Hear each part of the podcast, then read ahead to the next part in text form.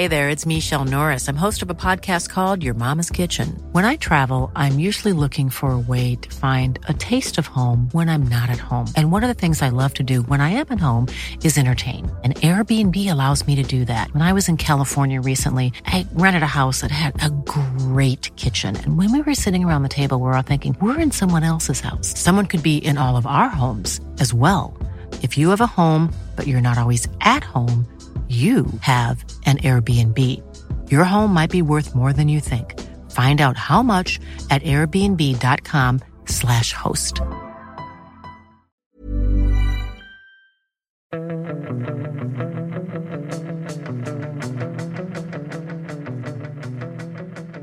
Fotbollskanalen On Tour onsdag, dagen före kanske herrlandslagets iskallaste match på hela 2000-talet. Jag är nästan tillbaka till Tommy Svenssons första landskamp eh, i maj eh, 1991 och det var 3000 på Råsunda. Eller eh, hettar ni till eh, kring eh, Sverige-Moldavien? Det är väl vissa enskilda spelare som, som Sundberg har varit inne på i något avsnitt här i veckan som man, som man ändå är nyfiken på att se. Men eh, nej, det är ju inte direkt så att jag ligger på nätterna och tänker på Moldavien-matchen. Vem är du nyfiken på att se då? Nej, men det är ju Jesper Karlsson och Hugo Larsson eh, främst. Lagerbjälke? Lange. Ja, Lagerbjälke? Ja, Lagerbjälke, absolut. Ja, det är mest Hugo Larsson för min del om han nu får spela där. Att det, är det mest intressanta. Kanske Jesper Karlsson också. Han har ändå visat en del. Lagerbjälke, ja, nej. Jag vet inte. Jag... Där går du inte igång? Nej, inte än. Men det är en häftig flytt han har gjort och en häftig utveckling i hans karriär och allt sånt. Jag säger inte att han inte kan ta ytterligare kliv. eh, Men eh, jag jag taggar inte igång på det så som eh, Martin. Då måste man vara en riktig finsmakare. Men eh, var det inte någon, minns jag fel, men var det inte någon träningslandskamp för några år sedan som också var relativt iskall? Som var sådär precis över 10 000 publik? Ja, alltså jag, eh, min gode vän och tidigare bloggare på statistikbloggen Carl-Johan Elde. Han, hade, han skickade faktiskt den uppdaterade listan till mig. Eh, och då är ju den sämsta publiksiffran som har varit det är Sverige-Slovakien 9876. Det var i oktober 2018. Det var efter i samband med Nations League-spelet då man hade en bortalandskamp tror jag mot Ryssland och man förlorade man förlorade direkt i september både mot Österrike, träningsmatch och Turkiet, Nations League. Och då var det bara 9876. Det är den sämsta om man inte... Liksom, det finns ju några dåliga siffror när det var coronarestriktioner. Innan dess är det Sverige-Norge i augusti 2013. Då var det 13 500. Mm. Men det är Slovakien som är... Och den, om de påstår att det är 7000 sålda så är väl där sponsorer med och alla sponsorer kommer ju inte. Nej. Men om man ska försöka hetta upp det lite då, eller det kanske inte går, men, men ser ni att det finns någon som kan starta mot Moldavien som kan spelas in i elvan mot Belgien? Alltså finns det någon Nej. sån chans? Nej, tyvärr Martin. Tror jag. Nej, jag tror inte det heller. Det känns som att Janne inte liksom kommer ändra sin eh, plan eller sin... Alltså att han, han kör ju så här helt enkelt. Att, eh, jag tror inte någon kommer visa på torsdagen och sen ta klivet in i... Ett längre inhopp åtminstone då? Ja, det kan, det kan man. Men det beror ju också på hur helt matchen går och vilken position och så. Ja, nej, jag delar ju er eh, bild, men, eh, men man, man får göra sitt för att försöka. Absolut. Idag eh, när de piskar igång det sista då har de 15 minuters öppen träning bara. Eh, sen får vi presskonferens med Janne Andersson och lagkapten. Och där har de inte släppt något namn. Vem ser ni som lagkapten? Är det Viktor Claesson? Ja, det blir nog Viktor Claesson om han, eh, om han startar eh, eh, Eh, mot Moldavien. Så att det blir ju spännande faktiskt att se eh, redan när de släpper vem som är lagkapten. Så kan man ju då misstänka om Viktor Claesson är i startelvan mot Belgien eller inte. Ja, precis. Och sen eh, det vi vet på dagens pressträff är ju Anthony Elanga, Gabriel Gudmundsson, Jesper Karlsson, Gustav Lagerbielke och Marcus Rodén.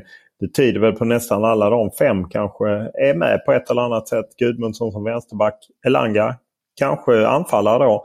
Jesper Karlsson till vänster, Gustav Lagerbielke mittback och Marcus Rodén. Var ser ni honom? Ytter, Ytter. tror jag. Ja. Då eh, tror du Viktor Claesson... Om vi har Jesper Karlsson, vi har Viktor Claesson, Marcus Rodén. Vem ska bort? Max Rodén? Vem ska bort då? Säg det en gång till. Om vi har Viktor Claesson ja. som lagkapten som vi sa. Vi har Jesper Karlsson som vill ta till vänster.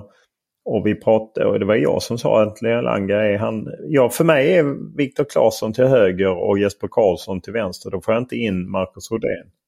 Nej, han hoppar in. Jag tror att han Eller att Viktor Claesson spelar anfallare. Ja. Tror jag att det kan bli. Men en som jag hoppas, eh, så all respekt till Kribba Nordfeldt och, och, och så, men de vet lite vad han går för. Jag hoppas, jag skulle väldigt gärna vilja se, jag tycker verkligen att Viktor Johansson borde få stå mot Moldavien. Eh, och eh, ja, eh, det tycker jag också. Allt annat vore orimligt. Och, jag... Båda de var ute hos oss i media igår och de visste ju inte om det skulle bli 45 minuter var eller om det blir en uh, målvakt som får chansen. Uh, och det lät ju uh, som att det var ärligt svarat. Så att, ja, vi får väl se. How would you like to look five years younger? In a clinical study, people that had volume added with Juvederm Voluma XC in the cheeks perceived themselves as looking five years younger at six months after treatment. Look younger, feel like you. Add volume for lift and contour in the cheeks with Juvederm Voluma XC. Reverse signs of aging by adding volume to smooth laugh lines with Juvederm Volure XC. For important safety information and to find a licensed specialist, visit juvederm.com. That's J U V E D E R M.com. Not for people with severe allergic reactions, allergies to lidocaine, or the proteins used in Juvederm. Common side effects include injection site redness, swelling, pain, tenderness, firmness, lumps, bumps, bruising, discoloration, or itching. There's a risk of unintentional injection into a blood vessel, which can cause vision abnormalities, blindness, stroke, temporary scabs, or scarring. Talk to a licensed specialist to find out if it's right for you. Hey there, it's Michelle Norris. I'm host of a podcast called Your Mama's Kitchen. When I travel, I'm usually looking for a way to find a taste of home when I'm not at home. And one of the things I love to do when I am at home is entertain. And Airbnb allows me to do that. When I was in California recently, I rented a house that had a great kitchen. And when we were sitting around the table, we we're all thinking, we're in someone else's house. Someone could be in all of our homes as well.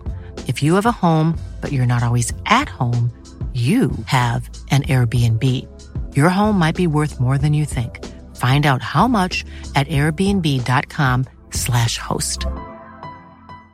Imagine the softest sheets you've ever felt. Now imagine them getting even softer over time. That's what you'll feel with Bowl and Branch's organic cotton sheets. In a recent customer survey, 96% replied that Bowl and Branch sheets get softer with every wash. Start getting your best night's sleep in these sheets that get softer and softer for years to come. Try their sheets with a 30-night guarantee. Plus, get 15% off your first order at bowlandbranch.com. Code BUTTERY. Exclusions apply. See site for details. Var det något som stack ut från eh, pressträffen igår var förutom de två reservmålvakterna var Viktor Gyökeres, Jens Kajust, Kristoffer Olsson och eh, Linus Wahlqvist eh, som var ute och vände. Linus Wahlqvist Egnell. Ja, jag... jag säger före Martin för jag vet att du kommer ja. säga samma. Så Kajust tyckte jag stack, Kajust tyckte jag stack ut. Ja, men det var roligt att lyssna på. Han tar sig tycker jag om man tänker tillbaka eh, ett år ungefär för ett år sedan så satt han på podiet och eh, var rätt eh, blyg och fick inte fram så mycket. Det, det tar sig i media för honom och eh, nej men nu är det intressant att lyssna om första tiden i Napoli och eh, hur det är att vara i en så stor klubb och att hela staden, det speglas liksom. Går det bra så blir de bjudna på fikat på kaféet. Går det dåligt så får de betala dubbelt typ för kaffet. Och Sen även det här med hans anfallare som ju var i bråk med, med klubben efter den här TikTok-uppmärksammade videon. Och så pratar han också om Rudi Garcia, tränaren som det spekuleras ifall han ska vara kvar eller ifall han ska få sparken. Och just gillar ju verkligen sin tränare. Ja, men jag håller med. Det känns som att han har växt av liksom, erfarenheterna som han har samlat på sig och att han är lite mer eh, ja, eh, mogen som fotbollsspelare eller hur man nu ska uttrycka det. Och eh, ja, det är klart att det måste vara en jäkla stor skillnad. Han har varit i RÄM i, i, i Frankrike och Midtjylland i Danmark. Och eh, det är väl en champagnestad, Ram i, i Frankrike. Och Midtjylland är ju inte direkt eh, eh, liksom eh, hårdföra och massvis av supportrar. Så att, eh, Eh, det är ju det är något annat han har hamnat i, det måste man ju säga. Eh, det är ju, jag håller med om, men sen kanske han inte är så bekväm framför en tv-kamera som en del andra. Jag, jag måste säga att jag är väldigt förtjust av Viktor Gyökeres eh, som ja, men också tycker jag tar sig, han kanske också var lite blyg tidigare eller försiktig nu i takt med att det går bra. Både gick bra i Coventry och sen har gjort otrolig succé i Lissabon. Så är det rätt roligt att höra med honom och det känns som en, en väldigt bra spelare för eh, landslaget. Att han har kommit fram i rättan tid. Och det känns inte som att det finns så många av hans typ. Eh, lite kraftfullare än Isak. Mm. Ja, men det var det sex ligakassar på sju matcher och sen två mål i Europa League på två matcher. Där, så att, ja, precis. Totalt eh, åtta mål. Ju, ja, det är bra papper. Det får man säga. Ja, det är, det är intressant att se. Det som ju, jag tog upp det som eh, vi hade i vår Headlines-blogg eh, där vi, Fredrik Pavlidis scannar alla tidningar där de skrev i Portugal om att de ville på något sätt höja hans klausul. Ja, det är ju supportrar som har gått ihop och försöker skapa en, eh, en liksom rörelse kring det. Liksom. Ja, precis.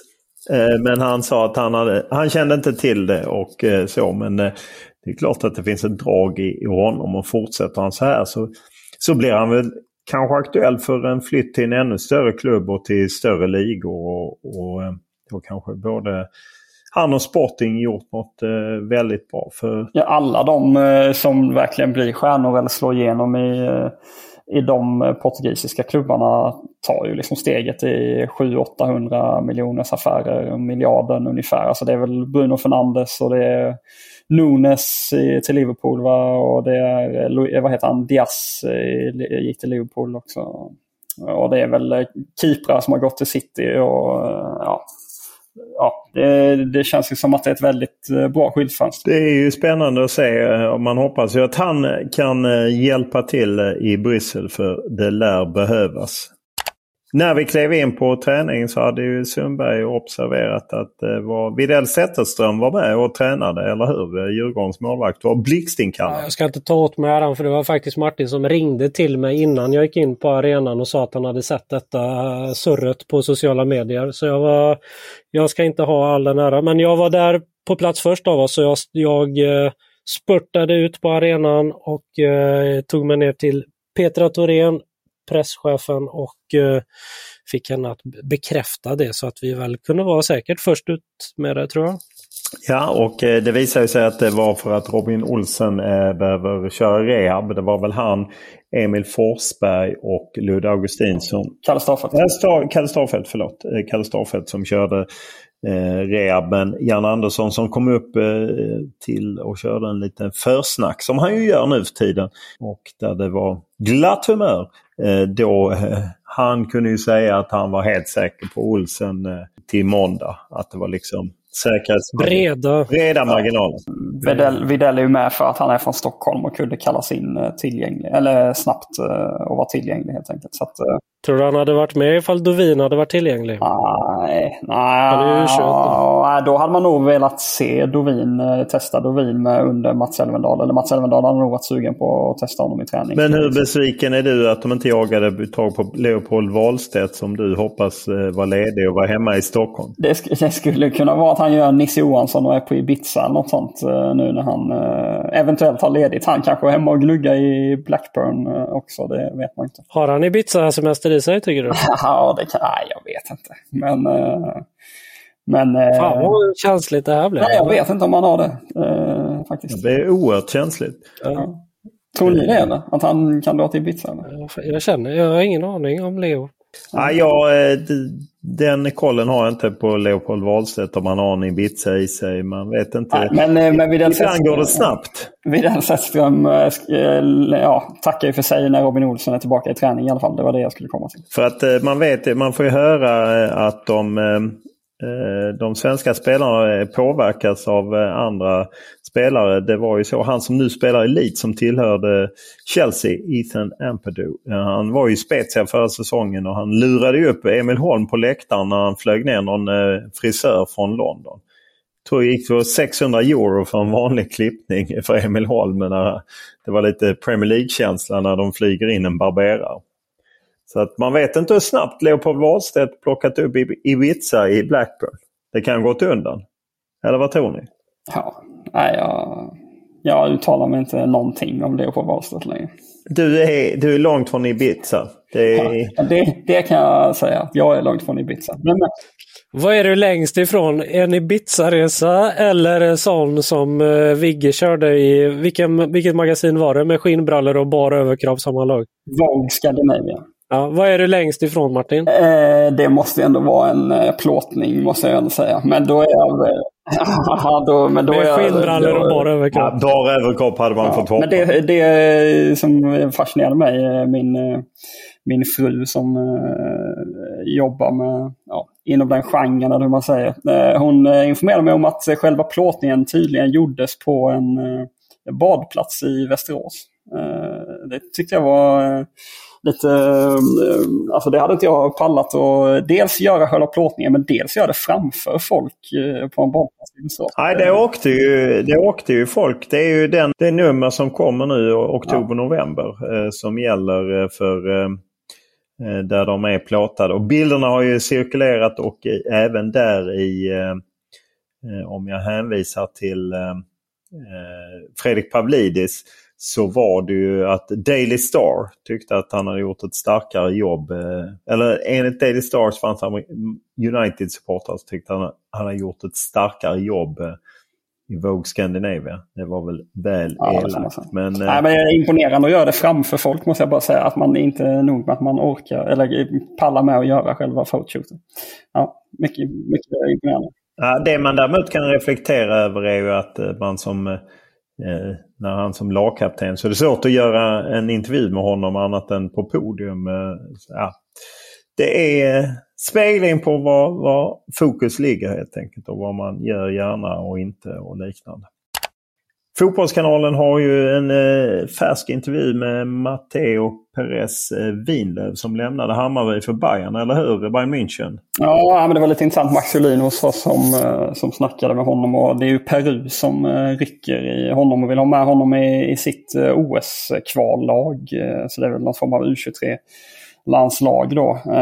och han är ju med i svenska U18-landslaget men han säger då att han inte han ger liksom inget besked eh, kring vilket landslag han vill spela för utan eh, han lever i nuet. Men eh, det som jag hajade till lite var att Max då frågade om har det funnits någon kontakt med Svenska fotbollsförbundet gällande framtiden? Och då säger han nej, det har inte funnits någon speciell kontakt gällande framtiden.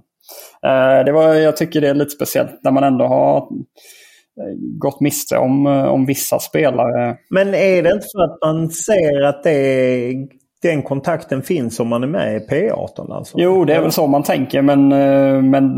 men hur menar du att man skulle göra? Skulle Janne också ringa? Nej, eller nej, Stefan nej, Pettersson? Ja, eller? Mer att det spelar väl kanske inte jättestor roll vem det är, eh, tänker jag. Men, men att man har... Att man har om han en, känner så. Att man så... har en eh, lite bredare diskussion med liksom de de spelare som, som faktiskt står inför den här typen av val kring vad man känner inför framtiden. Och så, det kan jag tycka är ganska, hade varit ganska rimligt med en sån spelare som, ja men det är ju en, eh, en väldigt lovande spelare som har... Vad har han för position? Vänsterback. vänsterback. Och, och om man är det så, så, så är det ju, kan man ju tycka att det är ganska extra viktigt att uh att vara på god fot och ta hand om uh, försvarare, mittbackar som är stora talanger och kommer underifrån. Han, han är vänsterback och har på, gjort... Han spelar ju faktiskt nu som... Uh, han är väl 17 och spelar i deras andra lag. Så han spelar ju seniorfotboll i tyska fjärde divisionen. Så att uppenbarligen finns det ju någonting i honom. Och, uh, men det, det, är ju samtidigt svårt. Jag tänker på, jag intervjuade ju i måndagens podd Sebastian Anassi som ju är med i U21-landslaget, spelat på alla nivåer men kan ju spela för Ungern. Hans pappa var ju, är ju från Ungern och var duktig innebandyspelare. Eh, jag spelade BVM med Ungern och liknande. Men där han liksom säger jag kommer inte stänga någon dörr utan vi får se vad som händer. Även om han är tydlig med att han gärna spelar för Sverige. Det måste vara svårt både för spelaren om du plötsligt har ett alternativ. Du kan välja två eller tre.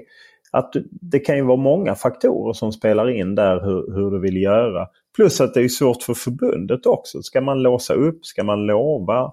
Eh, vi kan ju alla tycka att man... Eh, ja, det var ju synd att Janne inte låste upp eh, Arnel Ahmedhodzic utan då tyckte att han hade sina fyra eh, mittbackar och, och, på något sätt fick han stå på tillväxt. Och sen visade det sig att det fanns inte fyra mittbackar kvar så länge. Så att... Eh, ah, jag vet inte. Jag, ty jag tycker det är väldigt komplicerat på något sätt. Nej, jag, jag håller med dig komplicerat. Sen kanske inte det ska ligga hos en förbundskapten då som, eh, som ju är utbytbar på ett annat sätt än kanske någon annan eh, som jobbar som tjänsteman på, på förbundet. Men det är bara överlag att man, eh, man har en diskussion. Sen fattar jag att man kan ha olika synsätt på vad som är en, en, en liksom speciell diskussion om framtiden och så vidare. Det kanske är så att förbundet har en bild av att man faktiskt har den här dialogen med Peres Wildöv exempelvis i det fallet. Men, ja. Nej, ja, det var bara lite intressant eh, tyckte jag. Det, det snackas ju om, eller Irak är väldigt offensiva på Montad, Majed också exempelvis. Och har ju väldigt stora förhoppningar om att knyta till sig honom här vilken eh, sekund som helst, jag säga. Eh, vilket eh, en representant för deras förbund har bekräftat för oss på Fotbollsplan här nyligen in, i en intervju. Så att, eh, ja, det vore ju trist om, eh, om flera av dem, liksom 17-18 år, eh, Eh, 19 eh, talangerna eh, knyts upp av andra. Ja, samtidigt så kan man undra hur nöjd är Anel Ahmedhodzic nu med sitt Bosnienval? Eh, där han är ju ja, men något slags konflikt med förbundet ju, där de var missnöjda att han inte kom till senaste samlingen. De stängde av honom. Han är inte med i denna samlingen heller. Det verkar väldigt kaotiskt kring det bosniska fotbollsförbundet utan att kunna i detalj så ser jag ändå en, en del som liksom ja, svenskar med bosnisk bakgrund som eh, skriver om eh, det jobbiga hur, hur, hur det är med bosniska förbundet. Då kan man undra hur nöjd är Arnel Ahmedhodzic i detta läge? Nej, Nej det är en rimlig fråga. De har så bråttom också många känns det som, de här Montader. Och de, är, de är så unga över. Jag fattar inte varför denna enorma brådska för dem? Ja, men dels är det väl eh, i vissa fall kanske det finns liksom eh, vänner och familj som, eh, som vill saker eller personer runt en.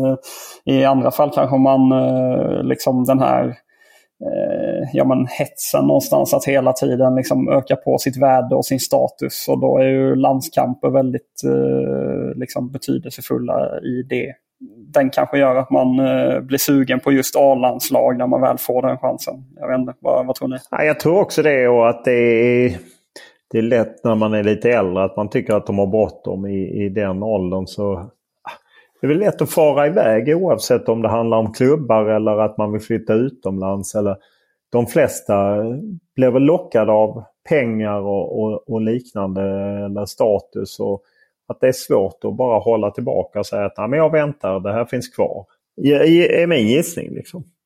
Eh, jag tänker på han, ehm, jag menar, nu tappade man Tahirovic. Han har väl inte varit med så mycket i Bosnien om jag har rätt. Är rätt. Han som gick till... Ehm, Alltså Ajax, ja. Benjamin Tahirovic. Ja, han har gjort sex landskamper redan. Ja. Att, uh, ja. Eh, och vi har ju Tankovic som ju var också väldigt ung och var väldigt uppvaktad av, av par förbund. Eh, det var väl Bosnien också då. Och mm. Sverige och han valde Sverige när han var med.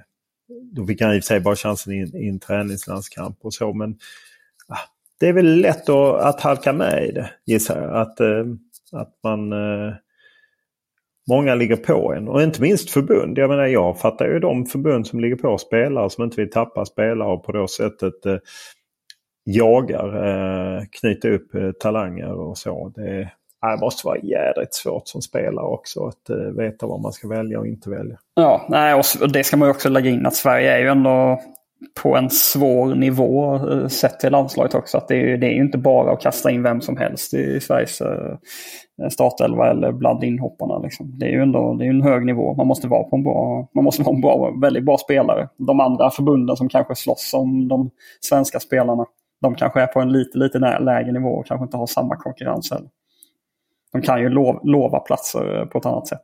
En eh, sak eh, som jag, vi måste ta upp är ju att det eh, inte blir eh, något öppnande för eh, ryska U17-lag. Protesterna från eh, många förbund och, och, att det liksom läckte ut eh, att det var lite liv helt enkelt gjorde att det blev ingenting helt enkelt. Det gick inte att inkludera ryska lag vilket ju var en seger för alla som vill stoppa det. Eh, Karl-Erik Nilsson, eh, före RF-basen, vill göra det till en seger för honom. Han säger att han eh, eh, hade koll på detta. Nu har inte vi intervjuat honom men han har ju ställt upp lite i olika medier, SVT, Sveriges Radio och så. Och han... Eh, då är det inget snack om barnkonventionen längre. FNs barnkonvention och att det var en hjärtefråga. Utan eh, då är det annat.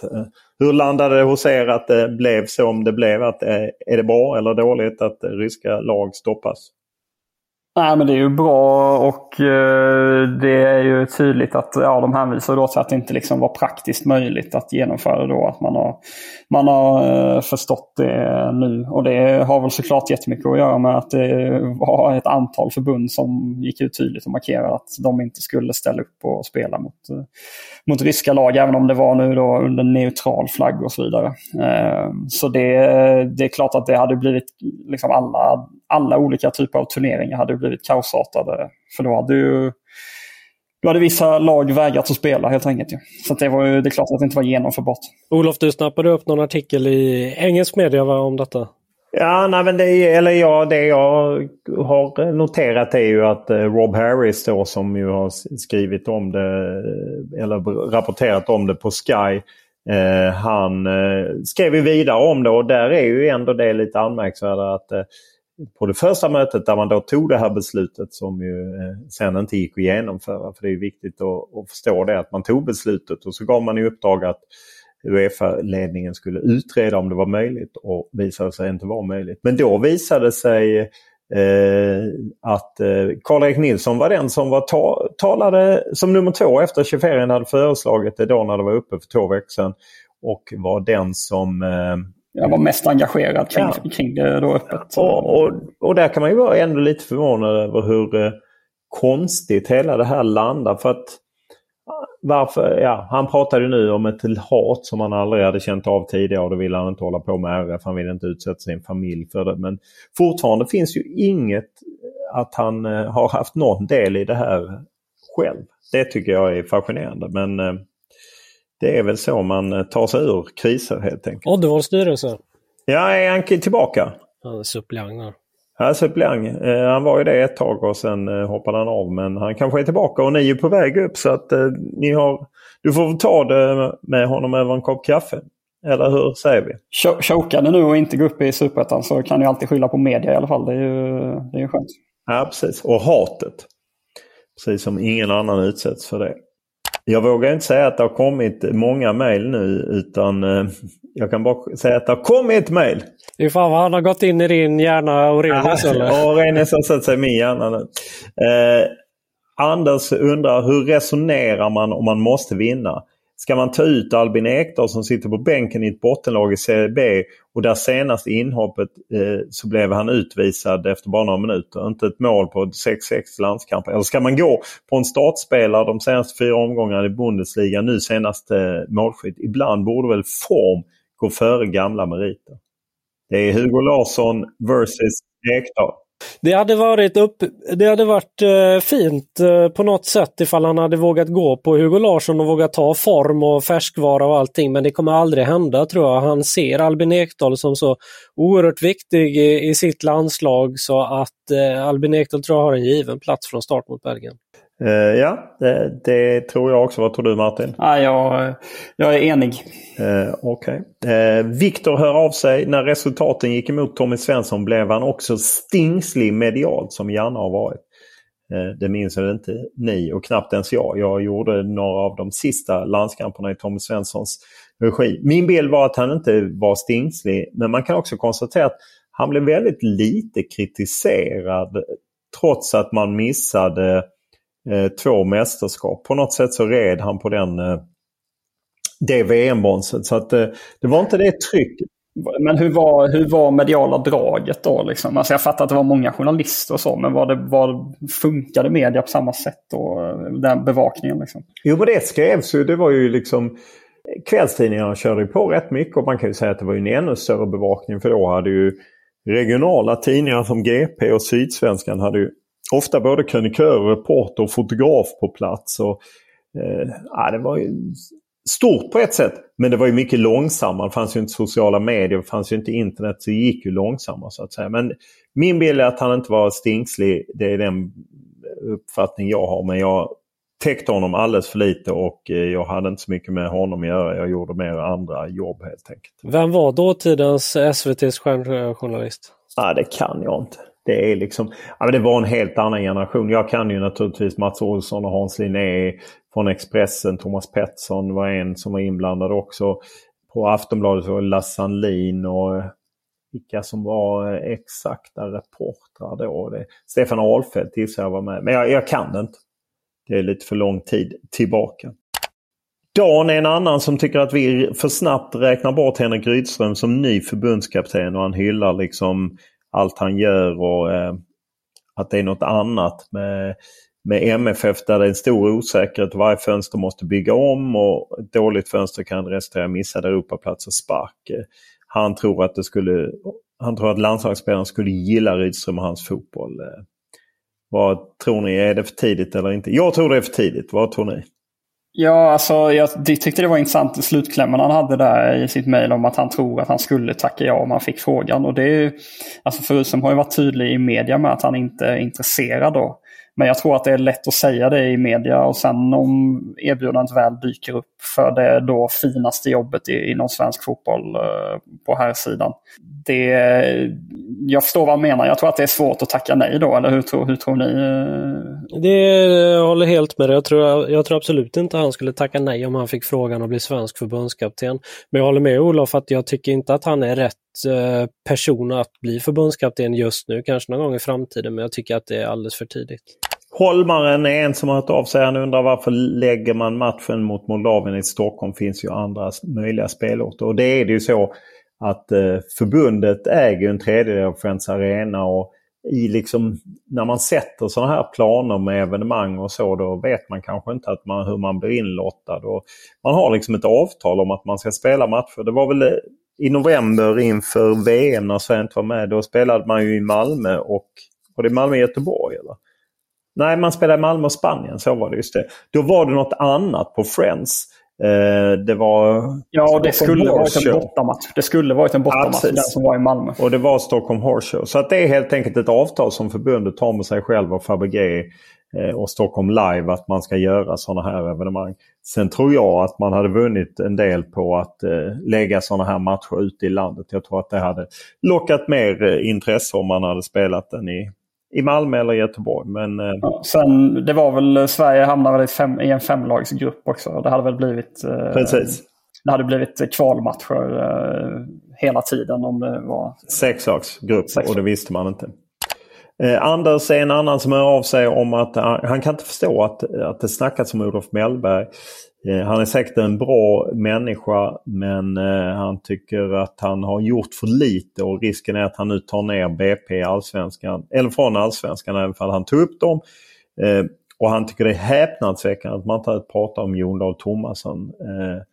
Ja, vi var ju inne på Jon Dahl Tomasson under gårdagen. Tycker ni det är så förvånande att man pratar om Olof Mellberg? Nej, men jag, jag kan väl säga så här. Vi, vi kanske snackar, snackar vi lite för lite om eh, vilken förbundskapten det blir i kombination med liksom, den nya Peter Wettergren. Alltså, det handlar ju ändå ganska mycket om att Alltså Mellberg, där skulle man vilja ha in hans erfarenhet som spelare. Att han har påbörjat liksom sin tränarkarriär. Han har ändå liksom en kompetens och lite erfarenhet därifrån. Eh, han har liksom ja, eh, det där. Men då är det intressant att se. Jag kan tänka mig Mellberg, men vem, vem kommer han in med i så fall? Det är intressant. Eh, men jag vet inte, talar vi för lite om vilken duo som tar över Sverige. Om, ja, ja, Jag håller helt med dig Martin. Jag tror med Mellberg tycker jag är rimligt att prata som förbundskapten. Det skulle han nog säkert passa som med sin... Han vet exakt vad det, vad det innebär att spela i ett landslag. Han har oerhörd erfarenhet som du säger Martin. Men jag tror att om han skulle bli, vara det så är han beroende av att ha en taktiker med sig och det är klart att det är många sådana. du har Henke Larsson, du har, du har flera sådana som säkert skulle passa men att de skulle behöva en bra med sig. Hur ska förbundet göra det? Alltså är det? Ska förbundet titta ut en som man vill ska fronta och sen så får den personen välja sin assisterande? Eller hur hade ni tyckt att de borde agera? Uh, jag vet inte riktigt. Jag, jag, jag tycker det är svårt att, att balansera det. Jag, hur, för Janne och Peter ja, blev väl ihopförda väldigt... till det här uppdraget. Men har, där har det klaffat. Det, det är ju eh, det som jag har haft liksom. som argument att man borde kunna eh, se till att det var en uh, bättre mångfald i ledarstaben eftersom förbundet hade ett krav på Janne Andersson och det var att Peter Wettergren skulle ingå. Och det var ju liksom Håkan Sjöstrand och förbundet som låg bakom det och det funkade ju bra. De hade ju inte jobbat ihop tidigare. Och, så att det är klart att Wettergren är en sån som kan fortsätta vidare kanske men känns det inte som att man behöver. Jag, jag tyckte det blev, var så intressant när jag pratade med Linus Wahlqvist Egnell när han pratade om att liksom Jens Gustafsson som att han vill spela 4-3-3 offensivt, eh, hög press. Det är ju lite så som landslaget har närmat sig nu i de senaste matcherna. Att det är kanske det som passar, eh, att eh, han är mer van vid det. Och jag tror att en sån som Jens Gustafsson skulle inte ha med sig en, en Peter Wettergren om han gick dit. Utan skulle väl mer vilja leva det Nej. själv. Och beskedet just nu är att Peter Wettergren följer med Jan Andersson. Och han vill ju fortsätta jobba med Janne efter också. Så han ja, har han ju... sagt det? Ja. Ah, okay. Jag har bara sett att även hans kontrakt är liksom uppsagt. Mm. Uh, ja, uh, vi får väl se vad det blir av det hela. Uh, sen är det Jesper som är inne på, han är lite irriterad på att eh, det som vi var inne på under gårdagen, det var väl hovleverantören som skrev om det här att eh, eh, trippen. Och då är det ju så att HF vann ju trippen men de vann ju liksom Supercupen spelades ju året efter så att säga. Och, men därför måste man ju säga att, att Helsingborgs IF har väl, de vann ju både eh, Supercupen 2011 och 2012. Det vill säga att de har gjort trippen. Men även AIK har gjort trippen. De vann ju både kuppen och SM-guld 2009 och så vann de sen eh, eh Supercupen 2010 i mars. Så även AIK är väl där. Eh, för det är väl så man måste räkna snarare än att det ska vara Ja, ja, ja. Vi blir blåsta. Vi har högre förväntningar på hovleverantörerna så här. Ja, absolut. Och då går vi över till hetsjakten och där har vi ju fått mail av en Pedersen, en Lundakille. Han har gått på spiken dock. Eh, någon ska göra det. Eh, för han är inne på det när vi mailväxlar lite att eh, spikist och en kattepåg. Eh, alltså jag gick ju på katter. Eh, och han gillar, han vill att vi ska utreda What's in it för Karl-Erik och Uefa att rösta igenom ryska ungdomslag. Är det sponsoravtal eller något liknande? Nej, jag tror faktiskt inte att det finns några sponsoravtal. Och nu blev det ju ingenting så där kan vi stänga den. Men han vill ge från Knorring att ledtrådarna på Mikael Svensson var identiska med vad som kunde sagts om Anders Svensson på nivå 10, 8, 6. Först på nivå 4 kom en ledtråd och han vill ge bakläxa till Nicke Wikipedia. Eh, kändes det skönt för er? Ja, det var ett viktigt stöd faktiskt. Jag kände ju däremot att eftersom när jag, jag var tvungen att gå tillbaka och lyssna igenom.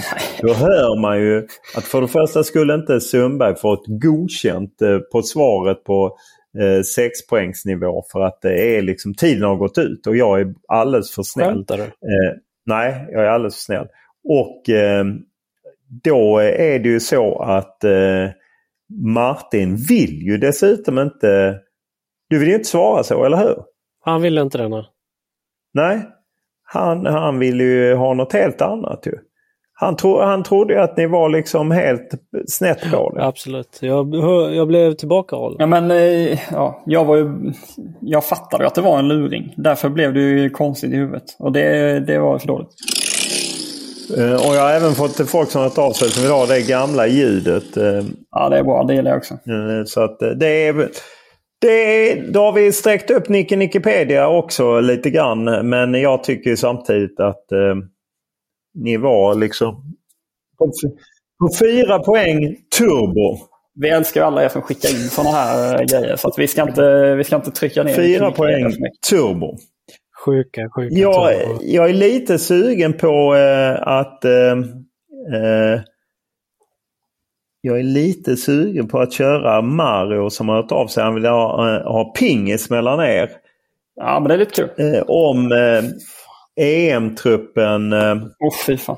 Jag ska inte säga så att ni får börja fundera utan man har några sekunder på sig så håller jag koll på att ni, om ni svarar fel. Mm. Vad är det på?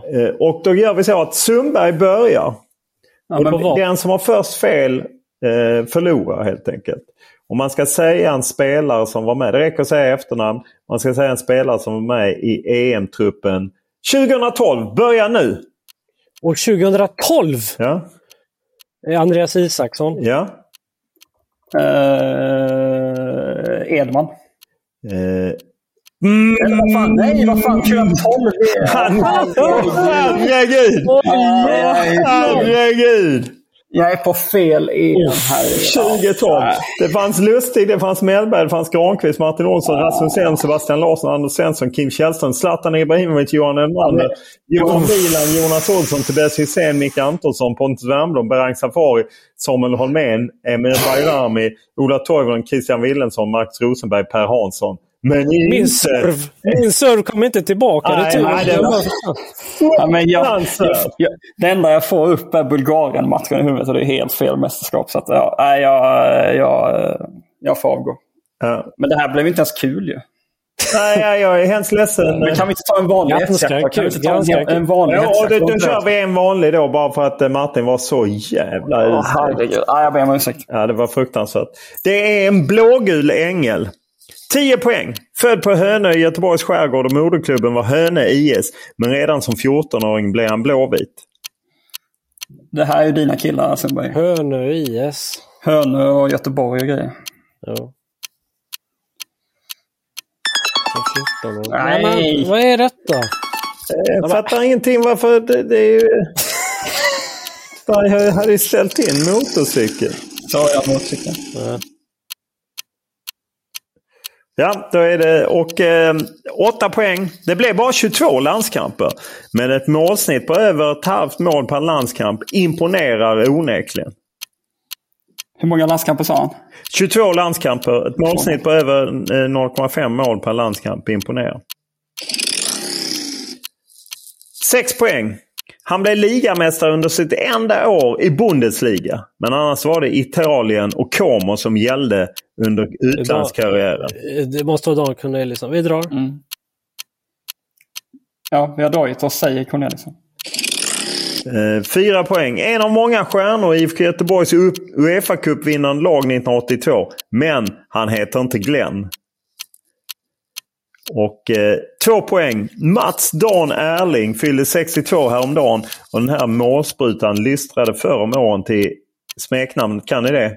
Det var inte det som var frågan. Nej, nej men kan ni det? det ska du inte lägga i frågor i nej, frågan. Nej, men han hette kallades minst 100 procent. Ni hade ju rätt, Dan Corneliusson. Jag tyckte det var roligt om ni kunde det, men det kunde ni uppenbarligen inte. Men starkt! Det var bättre än eh, Sundberg. Du är ju i toppform jämfört med eh, från Knorring. Han har helt tappat det efter att han lagt till från. Var det det? Ja, ja. Nej, jag kommer inte kunna sova nu. Alltså. Nej, inte jag heller. Helvete Edman! Zlatan fan! Varför gick du på just alltså, vänsterback? Varför nej, jag, jag fastnar ju på Bulgarien-matchen. Jag säger ju det. Han ja, men jag är helt offside. Jag ja, det är säkert. Pedersen mejlar säkert och räddar dig imorgon. Det var synd om dig på något sätt.